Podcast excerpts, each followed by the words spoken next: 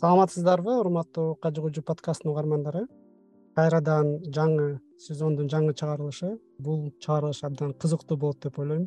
Бул жолугушууну көптөн бери пландап атып бүгүн ушул убакытка туш келди. Кызыктуусу мен азыр франкфуртто отурам биоцтин жолугушуусунда конокто сейитбек усманов нью йоркто отурат. Артында сааты бар биз зум менен жолугушуп атабыз гавайидан болсо бакыт абдишев чыгып атат. Кыргызстандан болсо э, бишкектен эмес бүгүн караколго кетти же тоодо караколдун бир тоолорунда тимур мон анан ушинтип тоголок жердин төрт жеринде отуруп алып төртөөбүз сүйлөшкөн жатабыз. Айтинин келечеги эмне иштерди кылдык эмне иштерди кылып атабыз кандай иштер болду дагы кандай иштер болот анан ошол бүгүн балдар менен жолугуп сүйлөшүп биринчи бир аз жыйынтык чыгаралы дедик. Анткени жакын арада эле демилге чырак айти марафону бүттү чырак да бүттү. Баардык кыздар сертификаттарды алды келечек дагы окуп атканына бир жыл өттү күз демилге болгонуна бир жыл болду. Анан эми биз мындай чоңоюп калдык чоң иштерди жасадык. Анан эми келечегибиз кандай деп ошол жөнүндө жакынкы бир саатта сүйлөшөбүз биз менен болгула анда эмесе ошол биринчи сөздү сейитбек усмановго берет элем. Сейитбек усманов вирджиния университетинин базасында ачылган дарден бизнес мектебинин бүтүрүүчүсү аналитик борбор азиядагы эркин рынок институтунун түзүүчүсү учурда salesforce компаниясынын айти адиси.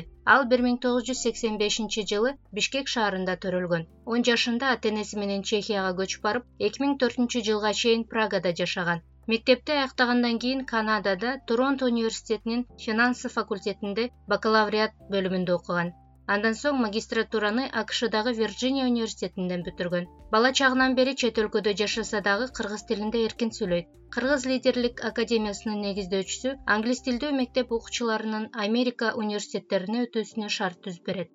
Сейитбек усманов келечекте кыргызстандын жаштары дүйнөнүн мыкты университеттеринде окуса деп тилейт сейитбек өзү эдфорс деп буткемп ачып ошол буткемптен биздин мекендештерибизге жардам берип атат мекендештерди окутуп атат. Ошол демилгеден дагы окушту. Анан ошол сейит бул гетфорс идеясы сага кайдан келди? Көп сен интервьюларда айтып бергенсиң бизге интервьюга айтып бербеген нерселерден сүйлөшсөк болот. Идея кайдан келди? Кайсыл жерине жетти? Кандай жыйынтыктар болду? Иштеп атабы дагы кандай пландар бар? Демилгенин ичинде ошол кыздарды көрдүң кандай иштеди ошол жөнүндө бир аз айтып берсең саламатчылык. Азамат чоң рахмат чакырганыңа salesforce окутуу боюнча бизде команда бар. Командабыз getforce деген брендтин алкагында иштейт. Үч жылга жакындап калды сабак бергенибизге. Эки жүзгө жакын баланы окуттук. Анан дүйнөдөгү эң жакшы salesforce bootcamp деп эсептейм муну себеби бизде өтө жакшы команда бар. Жакшы окутуу материалдар бар биздин окуучулар болсо америка европанын көп жерлеринде польша германия чехияда жумушка орношуп түштүк корея даже россия кыргызстандан salesforce жумуштарга орношуп атат да. Биз үчүн эң чоң кыйынчылык бул эки нерсе. Биринчиси болсо жакшы окуучуларды табыш керекпиз. Айтини баарыбыз окуш керек дейбиз. Мен дагы ага ишенем. Мен өзүм айти окуп айтишник болуп алгам. Бирок тырышып окуш керек да. Көп адамдар тырышып окуганга чыдашпайт. Ошол бул биринчи чоң кыйынчылык. Так что ким биякта тырышып үйрөнөм десеңер бизге жазылгыла кошулгула бизде аябай жакшы программа жакшы мугалимдер бар. Экинчи чоң кыйынчылык бул жакшы команданы тапканы да. Берилип ишенип жардам берген жөн эле алек эле иштебей прям чындап эле ар бир окуучу жөнүндө ойлонуп кантип анга жардам берсек болот кандай коркунучтары бар деген суроолорго жооп бергендей болуш керек да командачы. Анан ушу демилге аркылуу биз таанышып калдык ошол кадрлар менен билбейм азамат бизге эң жакшыларын тандап бердиби же жөн эле бизге эң жакшылары туш келип калдыбы ошолордун ичинен бирөөсү бизге азыр жардам берип атат инстаграм боюнча. Постоянно бир нерселер чыгарып атат тынбай тынбай чыгарып атат аябай жагып атат кылган иши. Анан буюрса көбүрөөк да иштешебиз. Башка дагы сонун кыздар бар. Алар менен бирок иштешкени вообще колум жетишпей атат. Алар менен да иштешким келип атат. Бирок мен өзүм алар менен жакын иштешкени жетишпей атат. Бирок менин телеграмда алардын жазгандарын эң чокусуна чыгарып койгом да анред кылып койгом да анан ошол даяр болгондо алар менен байланышып иш кылам. Алар мага жагат ошол сейитбек байке кандай жардам берсек болот мындай кылсак болот? деп ушинтип инициатива кылып кызыгып атат. Мен билем алардын балдары бар үйүндө тиги официант болуп иштеп жүрөт москвада. Ушул башка нерселерге карабастан анан мен да аларга жакшылап менторшип бербегенден карабастан алар мага жазып кантип жардам берсек болот деп турат да ошонусу мага аябай жакты.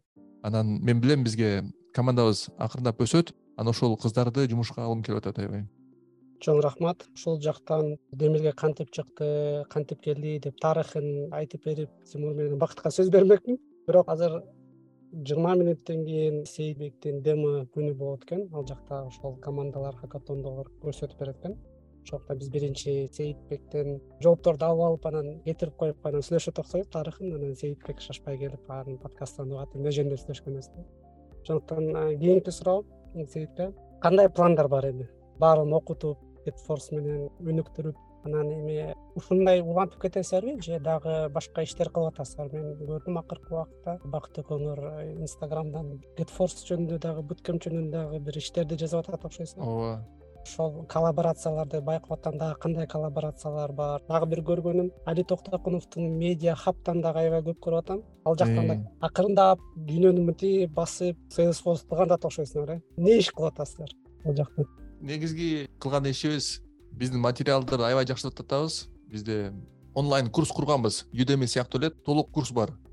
Ошол курсту адамдар өзүндөрү деле окуса болот. Биз анан кошумча балдар ошону окуп сабакка кирбей эле окуй берсе болот да а биз сабакта болсо реальный бизнес кейстерди караштырабыз. Salesforce бизнес кейстерди караштырабыз. Ошондо биздин курска келгенде алар уже как стажировкага катышкандай болот да. Ошол үчүн бул аябай кыйын нерсе целый курс курганычы бирок биз ушул үч жылдан бери чогулган материалдарды баарын жазып жазып жазып толуктап толуктап постоянно келатабыз. Муну балким бир жолу отуруп көрсөтүп берсем болот аябай жакшы курс тиякта. Балдар тапшырма тапшырат видеолор бар темплеттер бар pdfтер бар.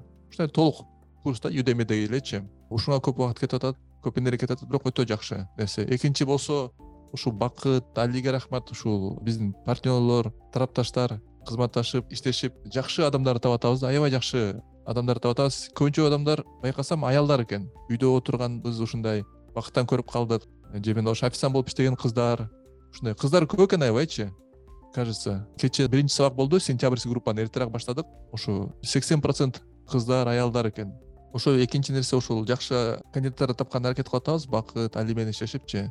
Анан э, үчүнчү нерсе максатыбыз бул азыр биздин токсон процент окуучулар кыргыздар калгандары орус азербайжан казактар. Акырындап акырындап биз американецтерге чыгыш керекпиз. Интернационал болуш керекпиз да. Мунун жакшы жери сабактар интернационал болот да. Анан кыргыздарга дагы жакшы болот да. Алар менен англисче сүйлөшүп көбүрөөк практика болот. Анан ушундай культура микс болот көбүрөөк аттаандашуу болот да. Ошо түрдүү улуттар болгондо ошол анан дүйнөдөгү алдыңкы буткемптердин арасына жете алабыз буюрса биздин программа жакшы аябай. Анан тынбай жакшырып кете беребиз буюрса ошол максатка жетебиз. Сонун сонун ийгилик каалайм. Ушул жерден дагы кызматташтыкты сунуштайт элем биз чөйрөдө ушул удемиге окшогон бир долбоор жасап атканбыз устав деген. Анан удеми сыяктуу платформаны жасаганбыз. Токсон процент кыргыздар үчүн платныйбы же бесплатныйбы айырмасы жок. Ошону чөйрөнүн ичине упаковка кылып иштетип көрсөк болот чогуу. Анан кайра эле жакшы иштетип кетсек жана сен айтып аткан бир чоң планды балким дагы чогуу иштетип кетебиз. Анткени чөйрөнүн алдыңкы пландарында бакыт анын айтып берет. Ошол дүйнөлүк стартаптарды куруу же америкалык же европалык базарларга рынокко чыгып иштетүү да сунуштайм. Дагы сүйлөшөбүз бул жөнүндө. Биз менен болуп эгерде убакытың болуп мүмкүнчүлүгүң болсо дагы кошулсаң болот макул. Акырын чыгып кетсең э, биз уланта мен күтүп турам карап угуп турам азыр он мүнөттөй анан кызыктуу мага артка кайрылат элем негизи ошол үчөөңөрдү бир трибунадан алып айтпасам эки жыл мурун дейм. Чикагодо кыргыз форумду же айти форумду мурас кылып уюштурган ошондо көргөм сейит ошо salesforce жөнүндө айтып берип аткан же айти жөнүндө айтып берип аткан болуш керек тимур да бир аябай сонун спич айтып аткан да. Менин оюмча ошол жактан баштап жанагы келечек дегендер чыкты окшойт да. Жылдыз академия деген ошол жактан анан тимур кыргызстанга келип анан жазадыбы же качан башталды ушул? Чогуу айтини жасап иштетели чогуу коллаборация кылалы депчи. Бакытка берелиби же тимур ким жакшы билет ал идеяны бакытка береличи бакыт абдишев гавай аралдарындагы молокай кичи аралында үй бүлөсү менен жашайт. Учурда salesforce компаниясында cloud инженер болуп эмгектенет. Жалал абад областунун аксы районунда чоң ата чоң апасынын колунда өскөн. Мектепти аяктаган соң орусияда эки жыл иштеп келип бишкектеги эл аралык университетинин америка таануу факультетинде окуган. Аны бүтүргөн соң америкага кеткен айти багытынын потенциалынын чоң экенин түшүнгөн бакыт абдишев чикагодо айти курсун окуп учурда жубайы айдана өмүрбаева экөө айти тармагында иштешет. Кыргызстанда жылдыз академиясы менен биргеликте аралыктан акысыз айти курстарын окутуу боюнча келечек чырак долбоорлорунун уюштуруучуларынын бири чөйрө кеңешинин мүчөсү. Мекендештерибиздин өнүгүүсү үчүн окуп үйрөнгөнүн ийгилигин башкалар менен бөлүшүп өлкөбүзгө айти тармагын жайылтууга зор салым кошуп келет. Биз ошол мурас клубдун форумунда тааныштык окшойт тимур менен биринчи. Салам достор баарыңарга салам айтып кетейин. Биринчи. Ошол биз форум өткөзүп чикагодо өзүбүздүн алдыңкы чоң компанияларда иштеп аткан мекендештерди чакырганбыз. Спикер катары. Ошонун арасында сейитбек бар болчу salesforce программист боюнча айтып берген. Тимур бар болчу тимур өзүнүн стартапы жөнүндө айтып берген. Ошол сейитбекти ага чейин эле таанычумун тимурду ошол форумда тааныштык идеялар ага чейин эле бизде дагы бар эле. Баягы идея бир адамда жаралып анан эгерде чоң масштабдуу болсо көбүрөөк адамдар кошулуш керек да. Анан ошол кийин сүйлөшүп жүрүп тимурлар менен идеябыз туура келип калды. Ушул келечек долбоору боюнча алар дагы ошондой иштерди жасап жүргөн. Кыргызстанда айтини акысыз окуталы деп ойлоп жүргөнбүз да баарыбыз. Анан бир чогулуш кылдык. Чогулушта олжобой кошулду айдана баарыбыз сүйлөшүп ошол келечек долбоору жөнүндө талкуулаганбыз элге жеткен долбоорлор көбүнчө мына келечек жазылгыла дегенге чейин аркасында бекграундда толтура иш жасалат да. Канча жолу чогулуштар болот ошол жумуштан кийин эс алуу күндөрү чогулуштар жасап план түзүп ошол аркасындагы жумуштар жасалат. Анан ошондон кийин келечек долбоору жаралган. Келечек долбоорунда канча биздики адашпасам үч миңдей адамды окуттук. Алардын дагы арасынан ар кандай причина менен окубай калгандары болду. Бирок окуп аягына жеткендери жакшы жумуштарга киришип жакшы долбоорлорду иштеп жатышат. Мындай аябай катуу трек кылыш кыйын экен. Себеби бирөө кечирээк жумушка кирди бирөө эртерээк жумушка кирди бирөө стажировкага кирди. Бирок негизинен баары ушул айти жака өзгөрдү. Анан такыр жумушка кирбей коюп башында бир аз окуп кеткендер дагы башка курстарга барышып окушту. Себеби алардын жашоосу ошол айтиге болгон ою өзгөрүп айти окуш керек экенин түшүндү да. Ошондо базовый маалымат алып айти жөнүндө түшүнүк алып андан кийин башка курстарга барып дагы окуп ошол айти жолун улантты десем болот да. Ошол келечек ошентип жаралган долбоор өзүн өзү актады деп билебиз. Ал жөнүндө акырында жыйынтык чогулуштарды жасаганбыз. Репортторубуз бар. Долбоорго досторубуз салым кошкон америкадагы мекендештер ушул кыргызстандын билимине өнүгүүсүнө салым кошом дешип колдошкон ошолорго репорт бергенбиз. Келечек өзүн өзү актады десек болот. Баса ошо келечектин окуучуларынын бири бизде селсорс окуп чехияда иштеп атат salesforce администратор болуп. Миновар деген ковид маалда силердин программаңарга катышыптыр анан ошондон самоуверенность пайда болуп анан salesforce ошол бизге көп жазылып калышат ыраазычылыктарды айтышат сүйүнөбүз ушул бирөөнүн ийгилигине бирөөнүн жетишкендигине сүйүнгөнүбүз аябай жакшы нерсе деп ойлойм ошолорду көрүп сүйүнүп айдан экөөбүз сүйлөшүп калабыз. Анан бизде көбүнчө эмнеге акысыз кантип эмнеге жардам бересиңер? деген суроолорду да жазгандар болот. Азыр сейитбек айткандай биз жардам берген адамдардын көбүн деле тааныбайт экенбиз да. Бирок бизге айырмасы жок болгон биздин тууганыбызбы же айылдашыбызбы же жөн эле мындай кыргызстандык деп эле баарын эле биз ачык жарыялап ошол баарын эле бирдей эрежелер менен кабыл алып бирдей окутканбыз да бөлбөй эле. Ошентип азыр эми тааныш болуп айтиге аралашып ошол биздин чырак долбооруна кийинки демилге биздин долбоорлорго аралашып баштаганда анан көбүрөөк митингдерди кылышып таанышып баштадык да. А башында айырмасы жок болгон. А кээ биркилер ушул айтиге келем дегенде эле whatsapp номериңди берчи мен сени менен лично чалып сүйлөшүп алайынчы лично сурап алайынчы деп мындай убакытты алган нерселер да ал бир адам менен сүйлөшүп түшүндүрүп бергенден көрө бир видео тартып жүз миң адамга жеткени жакшы ошол маалыматтын. Анан ал жерде эч кандай личный нерсе секрет нерсе жок да. Айтиге окуу деп баарына общий маалымат берип түшүндүрүп берип аткан нерсе менин оюмча көбүрөөк адамга жетсе көбүрөөк адам жашоосун өзгөртөт да. Рахмат ооба сейит бир адам иштесе биздин командада чөйрөнүн командасында алтымыш жетимиш проценти келечектен турат. Азыр болсо ошол чөйрөндө чөйрөчүлөр деп рубрика ачып ал жактан өзүлөрүнүн айтиге келген тарыхтарын айтып берип атышат. Мен европада жүрүп европадагы келечектегилерге жолугуп үйлөрүнө барып дос болуп ушундай болуп кеткенмин. Анан тимур айткандай тимур алыс жактан көргөндө эле күлүшөт дегенде эле мен кайсыл шаарга барбаган ошол жакта же келечек же чыракты окуп калган бирөө болот да анан о азамат агай деп мен уже агай болуп кеткем мурда азамат беке дешчү азыр азамат агай болуп кетип никнейимди өзгөртүп койдум азамат агай деп. Кайра агай агай деп жаздырбай элечи ошентип университетте агай болуп бүтүп анан азыр эми агай болуп иштеп жүрөм өзүм айти ишинде да. Анан ошол сөздү тимурга берсем. Тимур моон нуртак стартап жана жылдыз академия онлайн окутуу академиясынын негиздөөчүсү. Он алты жашында апасы менен америкага барып ошол жерде жашап калган жогорку билимин коннектикут университетинин биология жана микробиология факультетинде алган. Бирок кыймылсыз мүлк багытында иштеп кеткен. Талыкпай суткасына он беш саат эмгектенип атып уолл стритте жылдын мыкты сатуучусу номинациясында сыйлыкка ээ болгон. Америкада жашап бирок кыргыз элине жардам берүүнү кыялданып апасынын атынан жылдыз академиясын негиздеп айылдан айтиге келечек айти классика чырак долбоорлорун ишке ашырган. Учурда кыргызстандын булуң бурчун кыдырып жаштарды окуучуларды билимге үндөп колдоо көрсөтүп келет. Тимур жылдыз академиясын негиздеген жөнүндө бул подкаст эмес биринчи каналга да барды окшойт ала тоого да барды кыргызстандын телевидениясы баардык жагына барды.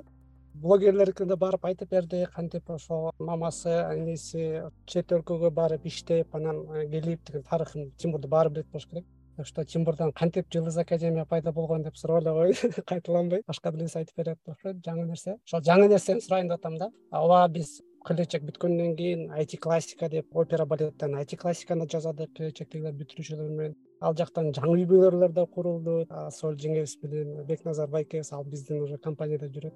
Бекназар мырзаны дагы чакырабыз.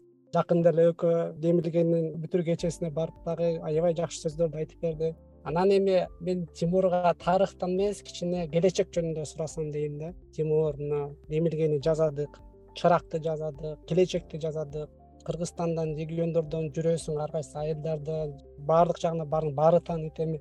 Кандай пландар ойлор келип атат? Азамат рахмат бакыт сейит баардыгыңарга чоң рахмат. Мен силердин кылган салымыңар менен аябай сыймыктанам мына азыр деле отуруп алып төрт дүйнөнүн точкасынан сүйлөшүп жатабыз. Мен азыр телефонумдан машинамдан светтеримди кийгизип алып отуруп сүйлөшүп жатам. Мисалы эки үч жыл мурун бул башкача болчу да интернеттен иштеп мындай биз деле чикагодо деле сүйлөшүп атканда аякта айтишниктер көп эмес мындай трак бизнес ошол жактан адамдар көп болчу да анан ушу ковид маалында айтиге аябай көп фокус берип атканда ошол конференцияда эки жүз элүү адамдай болчу беле азыр деген девопстон эле эки жүз адам чыгат го дейм да. Кюден эле эки жүз адам чыгат. Ушун ар бир эле спецификадан эки жүз элүү адам чыгат. Ошон үчүн силер кошкон салымыңарга аябай чоң рахмат аябай ыраазымын тарых жөнүндө ооба ошол апам бизге аябай үлгү берип бизде аябай мотивация берип элүү беш жашында докторго окуп бүткөндө биз түшүндүк. Биз деген любой эле возрастта окусак болот экен экинчиден ушу бакыт айдана сыяктуу адамдарды көрүп биз деген кара жумушка кирбей ушундай сонун жумуштарга кирсек болот экен деген үмүт менен баардыгыбыздын ой пикирлерибиз бир жака карап турганда келечектин пландарын караштырганда бизде кыргызстанда азыр бир миллион беш жүз потенциальный окуучу студент школьник детсадтар бар экен.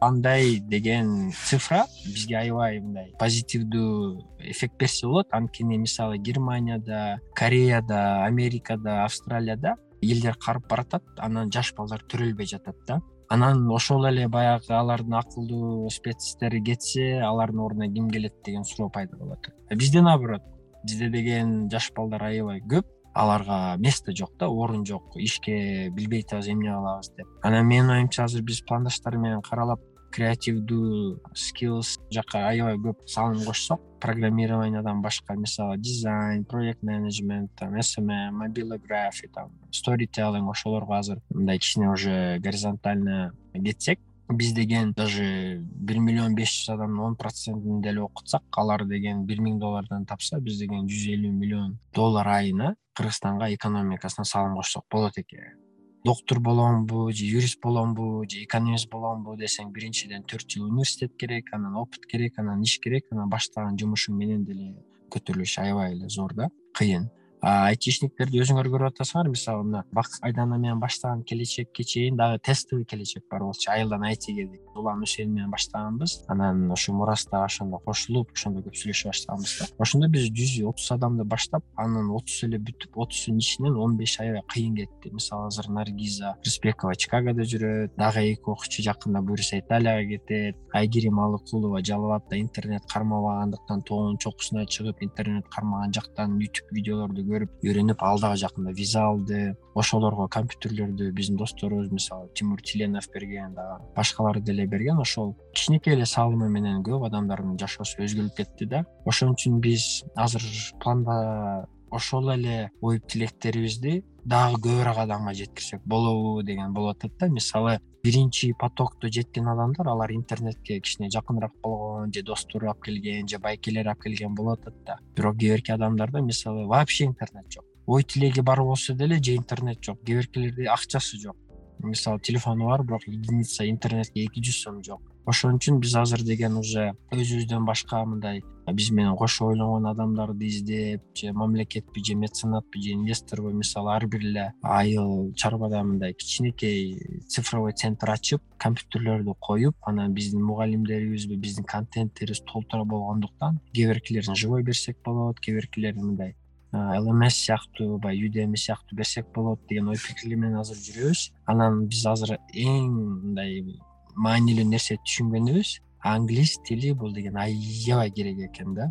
Анткени аябай сонун программист болуп алып туруп көтөрүлө албай калып атышат да жакшыраак жумушка бара албай калып атат көбүрөөк акча таба албай калып атат же баягы эле мисалы cssде бэкграунд дегенди же color дегенди билбегендиктен аларга убакыт көп кетип атат да. Ошон үчүн олжобай менен көп талкууладык. Азыр аябай базовыйга дагы тереңирээк киребиз. Бассейн там хак айти ошондойлор койчу андан кийин оффлайн бизге ошо компьютерлөрдү офистердиби же мисалы эми компьютерде эле эмес болсочу бизде айылда балдар мисалы малды көп карайт сарайдан жардам берет талаада жардам берет кыздар болсо үйдөн жардам берет тамак жасайт антет мынтет бул баары жакшы мен жаман деген жокмун. Бирок алар окуш үчүн комнатасы жок да жөнөкөй эле. Кадимкидей бизде америкадагыдай же европадагы ар бир баланын өзүнүн комнатасы бар да.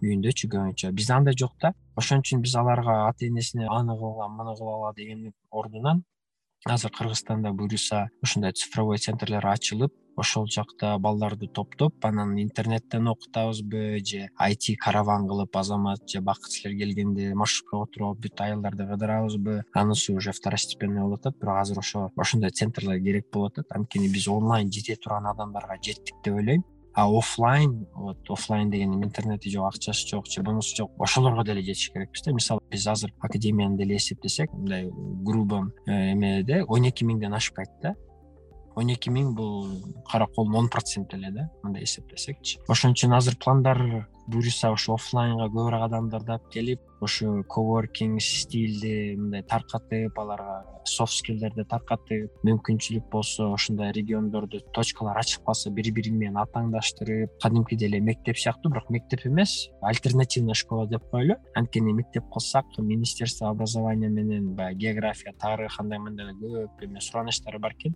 Биздин алыбыз ага жетпейт ошон үчүн биз өзүбүздүн алыбыз жеткен ишти эле кыла беребиз. Аны кылыш үчүн биз сертификат баягы мындай образовательный центр эмес эле мындай дополнительный клуб сыяктуу эле да мындай. Мурун биз мисалы футболго барчык шахматка барчык. Азыр деген ошо биздин балдар кыздарыбыз ушу айти тарапка барсын деген ой. Ошол эле идея просто айти тарапка да.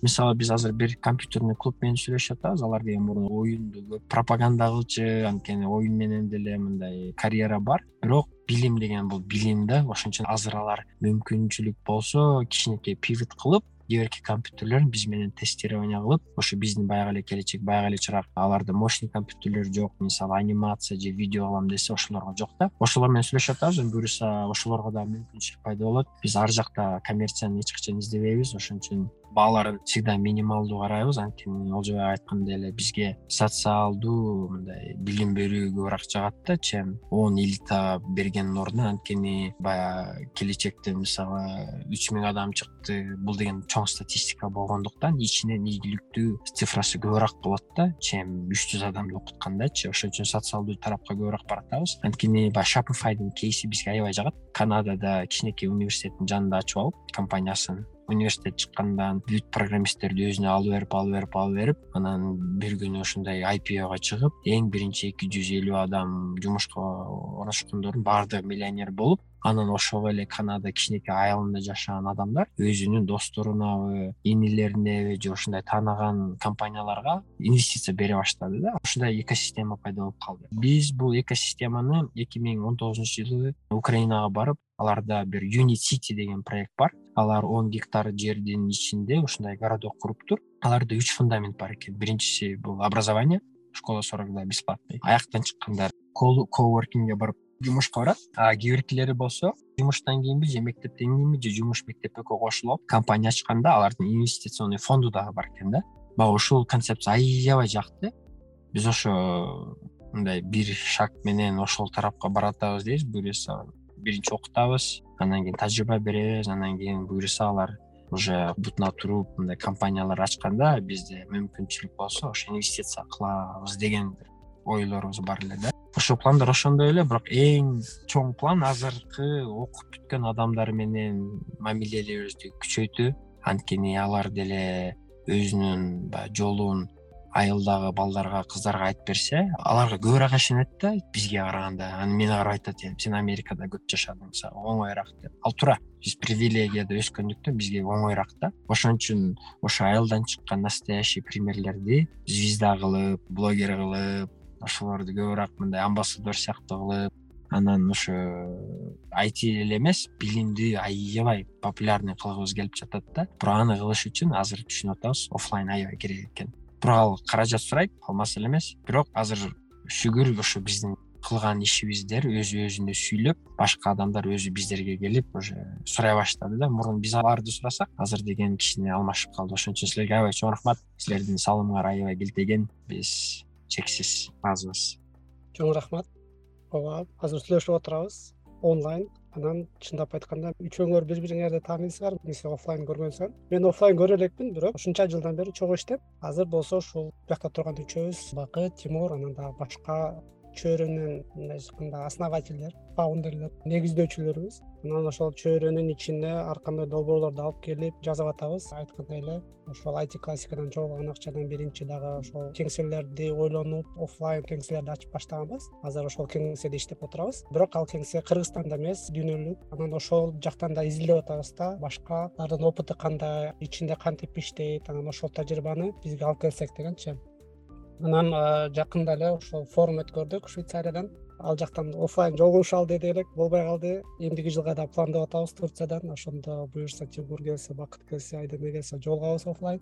Анан биз сүйлөшөбүз да ай сайынча чөйрө кеңешинде. Бизде дагы ушундай чөйрө жаратманын борборун ачсак анан ал жакта баягы компьютерлор камсыздоо деген тема дагы бияктан европадан сүйлөшүп атабыз америкадан дагы сүйлөшүп атабыз. Бакыт дагы кенен айтып берет ошол компьютерлорду алып барып анан жана тимур айтып аткан кичинекей жылдызчалар уже чоң жылдыз болуп чыгып келатышат көрсөңөр чөйрөнүн ичинде жолугушуу деген ушундай бир атайын кажы мурдакыдай жолугушуусундай болуп турат. Ал жакта жума сайын ошол келечекте бүтүргөндөр эле конокторду чакырып сүйлөшөт. Мисалы ушул жумада же эмдиги жумада кыргызстандын желегин жасаган биздин ардактуу кишибиз келип дагы сүйлөп берет негизи иштер аябай көп болуп атат да ошол ошонун ичинде демилгенин ичинде айти айылдан башталат деген да бар айылдан айтиге деген сыяктуу окуучуларга үйрөтүп атат. Анан англис тили боюнча ошол акадети деген азыр долбоор болду демилгенин ичинде. Ал жакта ошо лиза айымды чырактан окуган алар бекер англис тилин үйрөтүүсүн баштады актада окуп атышат. Ошол чөйрөнүн ичинде аябай көптөгөн ызычуулар болуп атат иштер болуп атат. Анан бакыт менен да кайра сүйлөшүп атканда бакыттын да ою дагы ушул биздин долбоорлорду акырын чоңойтуп чоңойтуп монетизация кылып дүйнөлүк стартаптарды же өзүн өзүн актаган иштерди кылып баратабыз да. Тимур айтып аткан нерселер акырын иштеп баратат да. Анан бакыт мага айтып бераткан ойлоруңду да бөлүшсөң кандай карайсың кандай дагы иштешибиз керек? Жана тимур айтып аткан нерселерди да кантип аткаруу керек? Кандай көйгөйлөр бар? Ошол көйгөйлөрдү кантип чечүү жолдору бар? Айти менен азыркы экономикалык кырдаалда мен жана унутуп калыпмын. Бул долбоорлорго айдананы атын айтып кетпесек болбойт. Айдананын салымы чоң. Негизинен келечекте дагы чыракта дагы айдана идеяны инициативаны баштап анан мен кошулуп кеттим. Мен азамат менен дагы кийин чогулуштарда таанышып чөйрөдө дагы ошол таанышып сүйлөшүп калдык да. Ага чейин айдана баштап анан мен кызыгып анан кошулуп кеттим да. Бир үйдөн эми бирөөбүз катышсак болот деп айдана эле эметчү. Азыр бүгүн убактысы жок болуп калып кошула албай калды анан бир катар биздин менторлор болду. Келечекте өзүнчө он чакты ментор болду. Анан чыракта дагы көбүрөөк ментор болду. Ошолордун арасында бекназар байке калифорниядан саяк байке деп коебузго лас вегастан дамира ошондой бир катар чикагодо кыздар болду. Ошолор өздөрүнүн убактысын бөлүшүп студенттерге дем күч берип ошолордун суроолоруна жооп берип эс алуу күндөрү сүйлөшүүлөр жасап атты. Анан ага кошумча айдана тек ток ютуб каналындагы эжелер болду кыздар. Айымдар ушул өздөрүнүн тажрыйбасы айтиге кантип келип калган кайсы компанияларда иштейт. Ошолорду аябай көп көрүштү да биздин студенттер. Себеби сабактын башында ошолорду көрүп маалымат алып баштамай болчу. Ошол менторлорго дагы ыраазычылык билдирип кеткибиз келет ушундай чоң бир мувмент деп коебузбу чоң бир коомду түзгөнгө ошондой өздөрүнүн салымын кошту да. Биз жалгыз өзүбүз жасай алмак эмеспиз бул нерселерди алардын салымы чоң болуп мындай көбүрөөк элге масштабдуураак түрдө болду деп эсептейбиз да. Келечекке биз ар дайым оптимисттик ой менен карайбыз. Азыр кыргызстандагы мекенибиздеги жагдайды билебиз. Биздеги көптөгөн болуп аткан көйгөйлөрдүн баарын билим аркылуу алдын алса болот. Ошол билим менен азыркы биз даярдап аткан жаштар булар жыйырма жылдан кийин он жылдан кийин ошол кыргызстанда бийликке келчүлөр. Кыргызстандын ошо кийинки поколениясы да ошолор билимдүү болсо менин оюмча баардык жакшы нерселерди өнүгүүнү күтсөк болот. Себеби баардык нерсе айланып келип эле билимге такала берет баардык нерсе ошол өлкөбүздөгү болуп аткан кыйынчылыктар жумушун билбегендиктер бүт нерсенин сапаты жок болуп аткан нерселер ден соолукка байланыштуу улутубуз көбүнчө ден соолукту дагы жакшы караша албаганы баары келип айланып эле билимсиздик караңгылык маселесине келип такалат экен да. Ошол үчүн биз ойлогонбуз ошол жылыга кыргызстанга ага чейин деле жардам берчүбүз. Акчалай ар кандай Э, нерселерге. Бирок кийин ошондой өзүбүзчө чечим кабыл алганбыз. Ошол биздин кыргызстанга болгон жардамыбыздын ушул кайрымдуулугубуздун баары билим тарапта болот депчи. Анан ошол күндөн баштап биз ошондой долбоорлордун үстүнөн иштеп кантип ошол акча менен көбүрөөк максималдуу аудиторияга максималдуу адамдарга жардам берсек болот депчи ошол себептен ушундай чоңураак долбоорлорду ишке ашырып баштадык. Келечекте буюрса дагы мындай долбоорлор болот деп ойлойм. Азыр эми командалар чоңоюп атат көптөгөн адамдар менен тааныштык мисалы ошол чикагодо форумдарды өткөзгөндө европадан эч кимди чакырган эмеспиз тааныган эмеспиз. Кореяда дагы азыр кыргыз глобал деп дагы мекендештерибиз бар алар менен байланыш бар. Ушинтип чоңоюп атабыз десек болот. Азыркы учурда менин оюмча ал көйгөй болбой калды. Дүйнө жүзү менен бир учурда отуруп эле ушундай кылып сүйлөшүп пландарды кылып анан кийин жолугуп эле форумдарды өткөзө болот экен. Негизинен биздин ошол эмне үчүн жасап атасыңар деген суроолор болот. Биз ошол өзүбүздүн мекенге аз да болсо кичине салымыбыз болсун деп жасап атабыз. Көп эле кыргызстандыктар четте жүргөндөр жакшы жашашат жумушу бар үй бүлөсү жашоосу жакшы. Аларга эч нерсенин деле кереги жок да. Көбү кыргызстанга барып жашоосун пландабагандан кийин алар өзү менен өзү жашай берсе болот. Менин жашоом жакшы мага дагы эмне кереги бар депчи. Бирок адам жакшы жашап ийгиликтүү бактылуу жашап баштаганда мекенге деген сүйүүсү мекенге ушундай кыйналып атса деп бир аз салым кошкусу келет экен да. Анан биз дагы ошол нерсени айдан экөөбүз өзүбүздү жакшы сезебиз мекенибиздин келечеги кең болот ушундай билимдүү жаштар чыкса деп. Ошол үчүн долбоорлорубуздун баары билимге заманбап кесиптерге айти багыттарына окугула деп ушундай үндөгөн долбоорлор болот. Ооба бул жакта айдананын чын эле салымы абдан чоң. Негизи ушул айдананын айдана тек толк анан инстаграмдан чыгып силер үй бүлөңөрдү көрсөтүп ачык анан баланы өстүрүү анан кантип өзүн алып жүрүш керек айтиде аялдардын ордун көрсөтүп жүрүп аябай чоң феномен болду.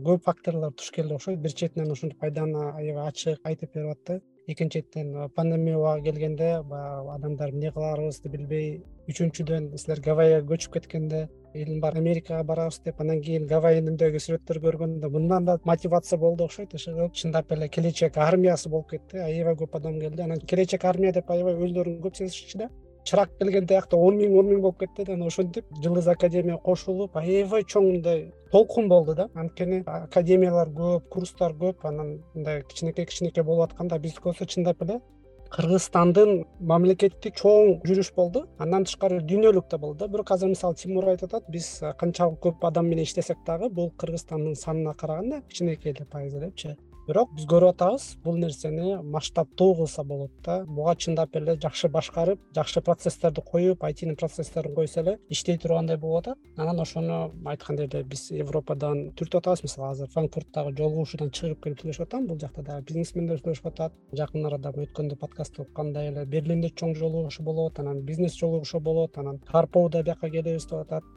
тимур болсо кыргызстандын движухасында жүрөт ал жактын баарын билип ким эмне кылат кандай иштер кылат. Бакыт болсо америкада жүрөт. Бекназар мырза да бар америкада америкада да көп менторлор бар айткандай эле ошол биз американы таанып америкалыктар европаны таанып анан экөөбүз чогулуп кыргызстанды таанып чыгып аябай кызыктуу бир иш болуп атат да. Ичинен көргөндөр ошондон бир чоң натыйжа келип чоң бир жакшы нерсе келип чындап эле көп адамдардын жашоосу өзгөрдү. Эми мындай материалдык жактан да жашоосу өзгөрсө көп адамдыкын өзгөртсөк сонун болот деп ишенем да. Негизинен адам өзгөрүш үчүн эң биринчи бул адамдын ичиндеги ой өзгөрүш керек экен да анан ой өзгөргөндөн кийин ой жеткен жерге кол жетет деп коет. Ошол пландарды жасап максаттарды коюп ошол жака жеткенге аракет кылат. Ой өзгөрбөсө өзүнө бир блок коюп алып жүрө берет экен. Менден андай чыкпайт мен андайга жаралган эмесмин. Бул акылдууларга генийлерге деп коюпчу. Анан ошону биз айдан экөөбүз өзүбүздүн блогубуз аркылуу айтып жүрүп түшүндүк. Ошо көптөр өздөрүнүн потенциалын билишпейт экен. Бул жаштар деле чоңураак жаштагылар деле баягы мен отузга чыктым же кыркка чыктым окусам болобу дегендердин баары өзүнө блок коюп алган да. Себеби биз кара жумуш кылыш үчүн жашына карабайбыз го мисалы орусияда менин өзүмдүн апам деле элүү канча жашында ошол жакта иштеп жүргөн. Ошол сыяктуу биздин чоң эле элүү жаштагы адамдар эжелер байкелер иштеп жүрүшөт да. Алар жашына карабай эле кетишкен. Ошол сыяктуу эле айтиде деле мындай окуганда деле жашына карабаш керек да. Өздөрүнүн канча жашка болбосун потенциалы бар экенин түшүнүш керек өздөрүн ойготуш керек уктап жаткан таланттарды уктап жаткан сезимдерди ойготуп ошонун үстүнөн иштесе айтиге аралашып кетсе болот. Анан андан кийинки балдар андан кийинки поколение кандай жашайт ошонун жашоонун ойлош керек. Жалгыз өзүн эле ойлобойчу. Ошол себептен биздин жөн эле ушул айти окугула деген сөзүбүз бирөөлөргө мындай аябай таасир берет экен. Ошол үчүн биз дагы ошолордон шыктанып мотивация алып биз дагы ошону жасаганга уланта беребиз да анча мынча бөлүшүп турабыз. Ошо бизге жазган ыраазычылыктарды аны өзүбүзгө мотивация катары алабыз да. Ошо бирөөнүн жашоосу жөн эле бир сүйлөп койгондон өзгөрүп атса анда көбүрөөк сүйлөй берейин анда көбүрөөк адамга жетсин көбүрөөк адамдар өздөрүнүн жашоосун өзгөрткөнгө түрткү болсун депчи ошол ою өзгөргөн адам мен ушундай өзгөрүүнү жасасам болот экен деп өзгөргөн адам анан ага пример үлгү деп коебуз го бизде. Сөзсүз үлгү алабыз да. Айылда мисалы мен окуп жүргөндө сөзсүз бир адамды көрүп ошондой болом дешчү да. Баягы экономист болом переводчик болом дегенде сөзсүз айылда бирөө болот эле ошондой мурда окуп кеткен. Ошол сыяктуу азыркы эми айылда отуруп деле дүйнө жүзүндөгү адамдардан үлгү алса болот. Себеби интернет бар интернетти колдонуп ошол сыяктуу үлгү адамдарды көбүрөөк көрсөткүбүз келет. Анан кийин ошол биз жасап аткандай долбоорлорду жасаш үчүн дагы биз биригип ар кандай кесиптеги ар кандай адамдар биригиш керек экен. Себеби жалгыз өзү жасаган адамдар көп да. Алар негизинен жакшы бирок биз кечеги э, швейцарияда өткөзгөн форум сыяктуу форумдар адамдарды бириктирет. Анан жаңы идеялар жаралат. Күчтүү адамдар чогулуп биригип чоң мындай юнион болуп бир иштерди жасаса анда андан дагы күчтүү иштерди жасап көбүрөөк өзгөрүү жасалат. Мындай долбоорлорду ишке ашырганда адамды мындай өзүнүн лично мындай жагабы жакпайбы ага карабаш керек да кыргыздарда ошол нерсе бар да бул мага жакпайт ал менен иштешпейм депчи. Эгерде ошонун жасап аткан долбоору кыргызстанга мекенибизге жардам болуп атса анда ага карабаш керек ал жагабы жакпайбы жасаган ишин баалаш керек. Жасаган иши аркылуу ошол кошулуп алып чогуу жасай бериш керек жок мен өзүм дагы ушундай түзүп алам деп аракет кылып ошондой копия кылгандан көрө ошол менен барып иштешип ошону аябай чоң деңгээлге чыгарса болот. Көбүнчө долбоорлорду иштеп жүргөн адамдар ар дайым ачык болот мындай коллаборацияга чогуу сүйлөшүп чогуу иштерди жасай берсе болот. Ошол үчүн мындай форумдардын мындай долбоорлордун салымы чоң кыргызстандын билимине кыргызстандагы жаштардын өнүгүүсүнө. Анан азыр бизде тойлор көп экен мурдатан эле көп ошол тойлорду форумдарга айлантсак чогулуп туруп ошол тойдун ордуна форум өтүп атса билим багытында америкадан европадан ошол ийгиликтүү адамдар сүйлөшүп аябай салымы чоң болот.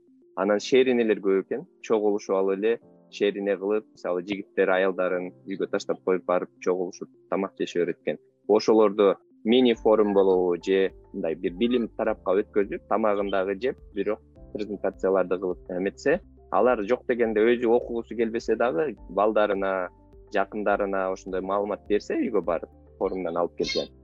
Өзгөрүү боло берет акырындан биз өзгөрөбүз кыргызстан өнүгөт бирок качан өнүгөт ушул батыраак кылгыбыз келсе анда көбүрөөк адамга жеткизишибиз керек болуп атпайбы өзүбүз билген маалыматты эки жакты карап алдыңды аркаңды капталыңды карап айтыш керек болуп атат. Э ушундай бар экен окугула мүмкүнчүлүк ушундай.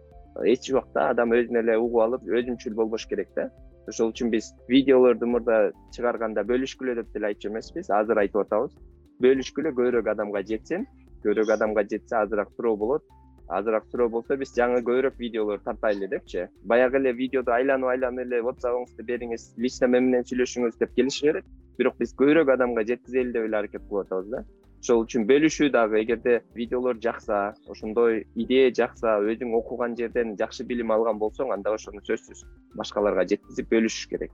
Адамдар ошол майндсетти дагы өзүнө алып коллаборацияга ар дайым ачык болуп анан баары ошол бир нерсе жасап атканда мекени жөнүндө ойлоп алдагы жаштарды дагы ойлоп мисалы бизнес кылып аткандар деле сөзсүз ошону эске алып койсо болот да мисалы мекенге дагы бир аз бир канча процентин бөлүп койсо болот. Ошондо гана менин оюмча э, чоңураак секирип чоңураак кадамдарды жасай алабыз деп ойлойм бул өнүгүү жаатында. Чоң рахмат. Ооба бакыттын инстаграмда жаздыгы бакыт акыркы убакытта жакшы сонун видеолорду тартып атат. Баарыбыз бөлүшүп атабыз. Анан тимурдан сурайын дегем эле тимур качан үйлөнөсүң качан америкага кетесиң? Тамаша. Баарыбы сурап атат экөөбүз сурабадым тимур сурап атышат. Качан жылдыз академия курс ачат дагы бекер чырактай келечектей. Качан жаза беребиз деп. Жылдыз академиянын пландары кандай? Өзүңдүн пландарың кандай? Ооба оффлайн центрлар жөнүндө иштеп атыптырбыз азыр. Оффлайн центрлар ачылса бургага көп күч керек болуш керек көп каражат керек жасайт болушуң керек. Андан башка дагы жакынкы арада жылдыз академияда кандай пландар болуп атат болжол мырза менен сурооңузга аябай чоң рахмат. Бул суроону ар күнү сурайт. Качан үйлөнөсүң качан америкага барасың деп. Америкада буюрса жакында барам. Аякта үй бүлө досторум сагынып ошолор менен көрүшөйүн дедим эле. Качан үйлөнөсүң анысы кудай буйруганда. Жылдыз академиянын пландары боюнча биз азыр ошо оффлайн э, тематикасын өстүрөлү деген себебибиз ал анткени биздин баягы юзер бейс деп коет го. Биздин эле окуучулар аябай суранып атат да. Анткени биз мисалы мына бүгүн деле сейитбек мырза айтып кеткендей кайсыл жакка барбасаң эле биз менен мындай жол бөлүшкөн адамдар бар экен да. Мисалы флаттерге барсаң турат агайга э кандай азамат адам? Ушу ковид маалында үйдө отуруп окуп кыргыз тилин орт зумдарга даярдап анан кийин флаттерди үйрөнүп анан азыр флаттерди башкаларга үйрөтүп wordpress үйрөтүп ушинтип жүрүп инстаграмга киргизип атып мындай сонун инвестор менен таанышып азыр ушу үч этаждуу имаратта ушу курстарды кылып атат да ошон үчүн пландар биз азыр айткандай эле биз менен окуган адамдар биз менен иштеген адамдар биз тааныган адамдар менен программированиядан башка башка курстарды дагы ачайлы дедик эле баягы эле креативдүү экономикага чоң салым кошкубуз атат анткени ар бир адам ар кандай нерсе жагат да кээ биркиге мисалы цифра жакса кээ биркиге сүрөт тартмай жагат кээ биркиге башкармай жагат кээ биркилерге мындай жөн эле өзүнүн ишин кылмай жагат. Биз ар бирибиз ар кандайбыз да. Анан азыр акысыз проектти сурап жатканыңызга мен аябай ыраазымын мен улан усейинди издеп кеттим эле. Анткени биринчи жолу келечекти кылганда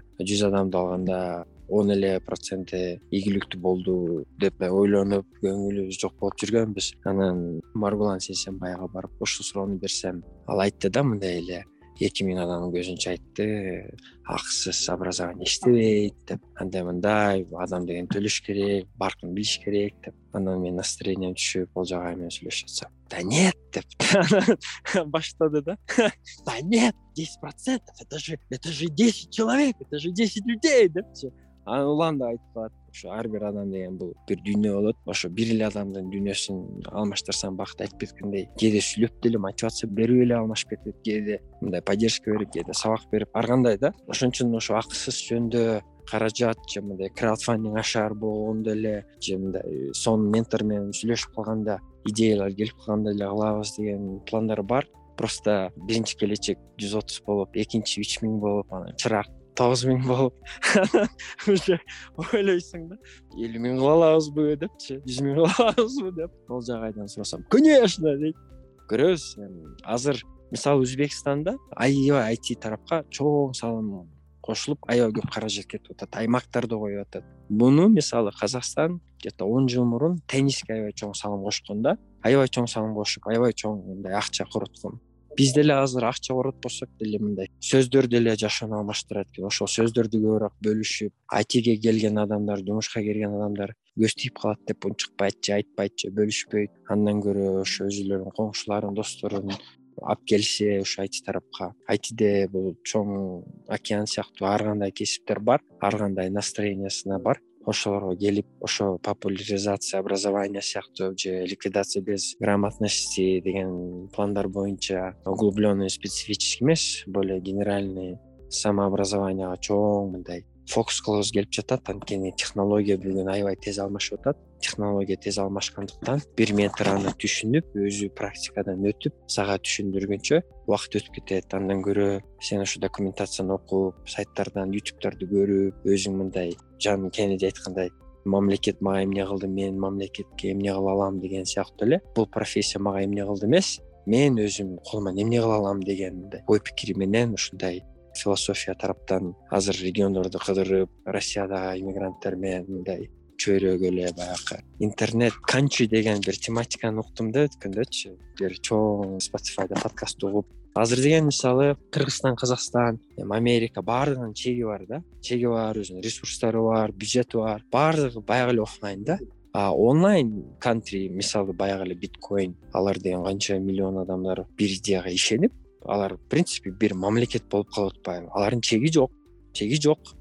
Биз деле э азамат биз бири бирибизди тааныбайбыз көрө элекпиз бирок мен сиз үчүн согушка барам дегендей эле тема да. Ошол мамлекет болуп атат. Бизде деле азыр чөйрө мамлекет болуп калышы мүмкүн. Эми конечно биз оонго барып алып туруп өзүбүздүн праваларыбызды эчтеке эе албайбыз. Бирок биз мисалы чөйрө азыр билбейм анча мынча миң адам болсо он жылдын ичинде миллион болуп кетсе ошол миллион эле адам бир доллардан он доллардан топтосок биз деген билимди жана медицинаны мындай акысыз деңгээлге түшүрүш керекпиз. Анткени бул базовый нерсе да. Анткени биздин адамдар билимдүү болсо биздин чөйрө билимдүү болсо андан кери биз дагы билимдүү болсок биз баардыгыбыз мындай байыбыз да. Анткени какой то процент Барат ушундай каражаттаргачы үй бүлөлөргө жардам бергени. А биз ар бир үйлөрдөн ушу билим тараптан медицина тараптан эң башынан эле акысыз берилсе менин оюмча мамлекетибиз аябай чоң деңгээлге жетет бул конечно мындай отуз жылдык пландар сыяктуу деп айтсак болот бирок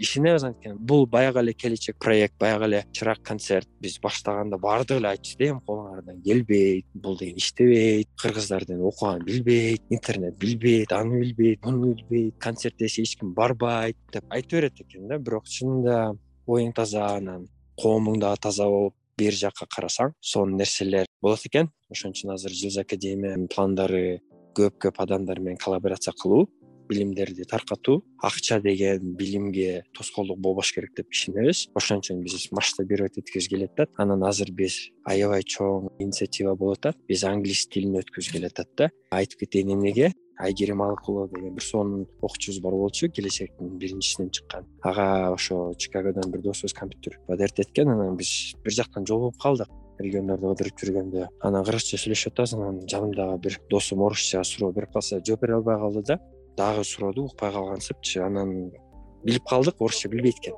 Кыргызча аябай так сүйлөйт экен орусча билбейт экен. Анан мен тамашалап эле англисче билесизби десем yes i know деп туруп мен менен англисче сүйлөп атпайбы? Анан кантип билесиң десем ошо тоонун чокусуна чыгам дейт телефон кармайт интернет ошол жактан ютубтан англис тилин үйрөнөм деп туруп анан мен ошо эмайтиге баргым келет эле деп мындай тилектери бар болчу да эмайтиге мен деле баргым керек. Болчу бирок ал кыйын да жолчу. Бирок жакында вот үч жума мурунбу америка виза алыптыр кетип атат элестетсеңиз эки жыл мурун ушу жапжаш кыз айткан да ошо америкага барып окуйт элем депчи.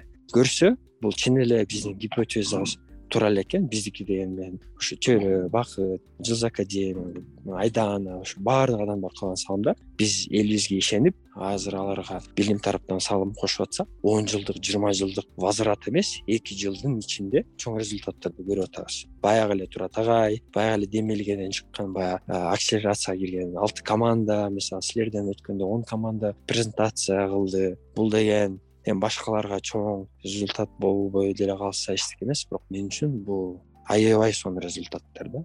Анткени биз эки жыл мурун айти эмес проектный менеджмент эжайл эмес биз деген компьютердү мисалы жөн эле сериалдарга колдончу да же библиотекага барып документтерди отпечатка кылчу да. Азыр деген уже жөнөкөй пассивдүү пассажир эмес активный руководитель болуп өзүнүн жашоосунун директору болуп калды да ошого мен аябай кубанычтамын ошол үчүн силерге аябай чоң рахмат силердин салымыңар эң сонун биз деген ушинтип сүйлөшүп ой пикирлерибизди бөлүшүп сонун сонун проекттерди кылган сайын баягы өзүбүздүн тортубузду кусочогун бөлүп албай эмес кантип биз тортду чоңойтсок болот да. Интернеттин ошонусу аябай сонун да биз мындай оффлайн пропертиге лимит жок баягы эле мамлекетте чеги жок биздин ушу чөйрөшниктер деп коелубу алар он миллион болобу жыйырма миллион болобу сервер канча адамды баткызса ошончо адам биздин мамлекетке бата берет экен да? Ошон үчүн пландар ошол. Биз тараптан ошо англис тилинен анан диверсификация курсов анан уже от нуля до конца баягы үч айдык алты айдык буткамптар эмес. Эки жылдык программаларга баягы мектептеги тогузунчу онунчу он биринчи класста жетинчи тогузунчу класста анан буюрса биринчи класстарга киргизгибиз келип жатат. Анткени аларда компьютер жок мектептерде болсо дагы бир компьютерге отуз адам отуруп жатат. Анан биз аларды университеттен азыр алып алып туруп айтишник кылабыз десек алар деген базовый нерсени билбей жатат да. Ошон үчүн азыр ноль жакка фундамент жакка көбүрөөк көңүл бургубуз келип жатат. Ошо школьниктерге садиктерге анткени мүмкүн университетке барып төрт жыл коротпой алар уже төрт жыл иштеп анан университетке барса болот да. Анан өзүнүн акчасына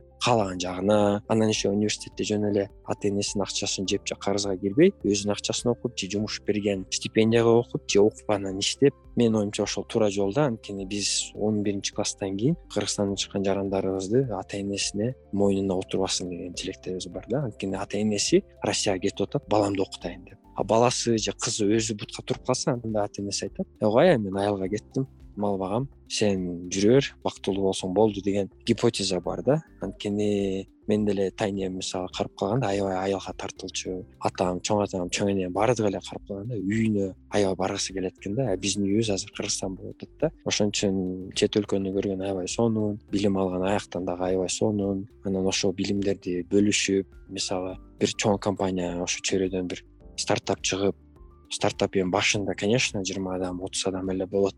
Бирок амазонго окшоп шапрфайга окшоп өсүп кетсе биз деле бир компания мисалы там ака дети э эки миң адамды жумушка алса андай деген бир да долбоор кыргызстанда анча адамды жумушка албайт ошончо зарплата анан ошолор ipo болуп миллионер болуп кетсе анда бизде экосистема сразу пайда болот. Ошол эле эки жүз элүү адам баягы биринчи компанияга орношкон адамдар мүмкүн ошо чөйрөнүн следующий эки жүз элүү компаниясына салым кошот да. Аны билбейбиз бирок билиш үчүн биз азыр ушу базовый жактан фокус кылып чөйрөнү өстүрүп ушу соратниктерди кошуп саякбекке окшогон асыл эжеге жеңе аларды кошуп ушу билимди аябай кечирип койгонубуз туура эмес сөз болсо бирок сексуалдуу кылсак эң сонун болот деп ойлойм да ошол кичине көп сөз айтып койсом кечирип койгула биякта аябай суук мен эчитип турупмун чоң рахмат чоң рахмат айтканың келсин жакшы сөздөр айтылды тимур жакшы айтып берди бакыт жакшы айтып берди. Биз негизи көп жолу көп сүйлөшөбүз бул темалар жөнүндө ошондуктан бүгүн ушундай кыска нуска бир аз ачык подкаст кылып жаңы форматта кошолу деп жаздырып атам. Негизи бакыт менен тимурду өз өзүнчө чакырып өзүлөрүнүн жакшылыгы жөнүндө сүйлөшөйүн десем интернетте көп экен аябай силер жөнүндө. Өзүңөр көп айтып бериптирсиңер блогерлер да көп сурап бериптир анан кой ал жактан башкалар менен саалашып эле өзүнчө эле башка тема сүйлөшөлү деп бүгүн айти жөнүндө сүйлөштүк. Өзүбүздүн ошол өткөн жолубузду анан келе жаткан пландар жөнүндө сүйлөштүк. Биз иштеп атабыз билимибизди бөлүшүп атабыз иштерди жасап атабыз чөйрөнү өнүктүрүп атабыз. Көптөгөн долбоорлор жүрүп атат ичинде анан эми жакын арада мындан дагы көп иштер жүрүп өсүп өнүгүп кетет деп ишенем. Эң негизгиси силерге ден соолук каалайм оорубагыла ушинтип өз салымыңарды кошуп жүрө бергиле анан дүйнөнүн бир жеринен жолугабыз албетте жолугуп дагы тамашалашып чай ичип анан чоң форумдарды өткөрөбүз буюрса чоң долбоорлорду дагы өткөрөбүз так что аман тургула. Чоң рахмат подкастка келгениңиздер үчүн. Сага дагы чоң рахмат азамат бакыт сүйлөшкөнүмө аябай ыраазымын ден соолуктуу болгула өмүрүң аккан суудай узун болсун рахмат айтканыңар келсин ошол жанагы азыр подкастты угуп аткандарга дагы жанагы суроого мен дагы кыска жооп берип кетейин. Качан дагы долбоорлор башталат деп сурагандар көп бизге айдан ага көп келет. Кечээ айдан экөөбүз как раз убакыт өткөзүп эмелерди тазалаганбыз биз. Ошо бизге келген каттарды карап. Анан ошондой суроолор көп экен качан баштайсыңар дагы долбоорду? Силер баштасаңар мен сөзсүз окуйт элем дегенчи ошону бир мен чечкилеп бергим келип атат да кээ биркилер ошол бирөөгө шылтаганды жакшы көрөт ошондой көнгөнбүз да. Сен баштасаң мен сөзсүз окуйм дейт. Достор убакыт өтүп атат. Биз баштабасак дагы азыр толтура бул жакта акысыз мүмкүнчүлүктөр бар. Ошолорду колдонгула окугула изденгиле изденген адам ошол табат. Ошол сурап аткандар силер канча убакыт өткөздүңөр ошол чырак эмне экенин келечек эмне экенин башка долбоорлор жөнүндө издеп. Гуглга жазып кыргызча жазып издесеңер толтура долбоорлор бар. Азыр биз азамат тимур биз айдана болуп биз жасап аткан долбоорлордун баары кыргызчага басым жасалган. Чөйрөгө келип чөйрө коомуна кошулсаңар ал жакта баардык долбоорлор баардык жүрүп аткан иштер кыргызча болуп атат. Ошентип эле кыргыз тилдүүлөргө маалымат көбөйүп атат. Ошол жактардан келип окуп аралашып мындай өнүгө бергиле эч убакта бирөөнү күтпөгүлө жашоо силердики дүйнө жүзүндө азыр беш миллиард интернет юзер бар беш миллиард.